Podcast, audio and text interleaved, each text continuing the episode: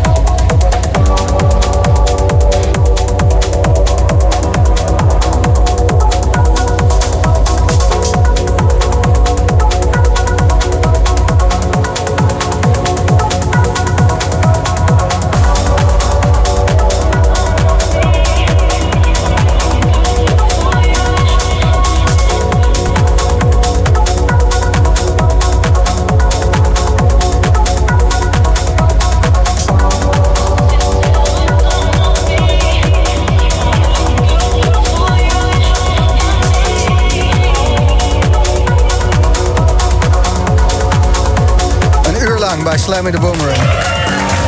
Ja, precies. Secret Cinema. Ik zit zelf allemaal setjes terug te luisteren van uh, de afgelopen zeven jaar Boomroom. Ik kwam erachter dat ik iedere set eindig met een uur lang en dat ik dan... eh, maar ja, 58 minuten lang. precies. Secret Cinema, wat een heerlijke set heb jij gedraaid. De track eh, die als één na laatste voorbij kwam, dus eh, voor deze. Whose Pussy Is This, heet die denk ik. Ja, hoe saai is dit? Paul Johnson die had hem eh, gemaakt. En ik heb aardig wat Paul Johnson trackies gehoord. De afgelopen weken natuurlijk, omdat eh, Ja. hij is overleden op 50 jaar geleden. Maar deze had ik nog niet gehoord. Goed gevonden. Oké dan. nou, ik bedank mijn vrouw. Want het is haar. Die, die, die komt, eh, die komt met dit soort tracks aanzetten. Ja, Eh, cool. Nou, dan weet ik ongeveer hoe het er aan eh, toe gaat in, Ja. in, in Huizen Cinema. ja, duidelijk. Michel de Heij deed een postje eh, over ehm, de demonstratie volgende week. De protestmars. Unmute Us. Die zei, kan iemand iets positiefs verzinnen? Wat we nou kunnen gaan doen. En niet dat gezeik over vaccineren en dit en dat. Maar gewoon, wat is nu iets wat we met z'n allen kunnen doen? En jouw reactie, Secret Cinema, daarop? Ja, ik zag Michel de Heij en ik dacht Dance Parade. En ik dacht, Zandvoort is open. Dat, dat kan gewoon. Laten we dan een Dance Parade doen op het circuit van Zandvoort. En dan kan iedereen toekijken hoe alle DJ's voorbij komen. Gewoon 70.000 Dat moet gewoon man kunnen. eh, 70.000 man. op die tribune. Ja, dat kan toch? Klein biertje Dat erbij. mag. Ja, En dan een, eh, een karretje of eh, twaalf die eh, in een slakkengangetje aan de tribunes voorbij trekken. ja, en dan elke keer een andere sound. Dat lijkt me geweldig. Ik zet hem erbij. Ja, ik heb morgen overleg met eh, OMT. En daarna je jas verstoppen. Die is oud. Goed. Mooi. Lieve reacties ook eh, van luisteraars. ehm, wanneer het op Soundcloud kon. Of dat niet al meteen kan. Dat mensen zin hebben om de hele nacht eh, Dat is door, goed door te gaan op deze set. Ja. Gewoon op repeat zetten en dan... Dat heb ik ook wel eens meegemaakt. Dat Ja. ik bij een vriend thuis zat en dat ik dacht, nou laat ik mijn nieuwe tracks checken. En toen waren we ineens vijf uur verder en toen hebben we gewoon nog een keer opgezet. ja, waarom niet? gaaf hè, als dat zo kan. Ja, dat is lekker. Ik zeg het nog eventjes eh, voor iedereen eh, die luistert. Gisteren is bekend geworden dat er dus echt geen Summer of Love komt als het eh, aan onze overheid ligt. In september geen feestjes. misschien in oktober nog eens kijken, maar zeker geen ADE. The Summer of Glove. Ja, ze hebben, er, ze hebben er echt geen zin in. En ehm, ze vinden het ook niet zo belangrijk. En daarom komt het nachtleven, het evenementwezen in actie. Volgende Ja. week zaterdag, 21 augustus, Unmute Us. Volg ze op eh, Instagram bijvoorbeeld, dan eh, weet je alles. Maar het idee wordt dat er in verschillende steden protestmarsen gaan komen op dezelfde tijd. En waarom niet één hele grote, is omdat het dan misschien eh, verboden wordt. Hè? Omdat het dan weer te groot is en dit en dat. Dus verdeel en heers, maar dan een keertje van onze kant af. En dan eindigen in Zandvoort met een dance parade. Oh ja, oh ja, Oh yeah. oh ja. Secret Cinema, dankjewel man. Jij ook bedankt. Ja.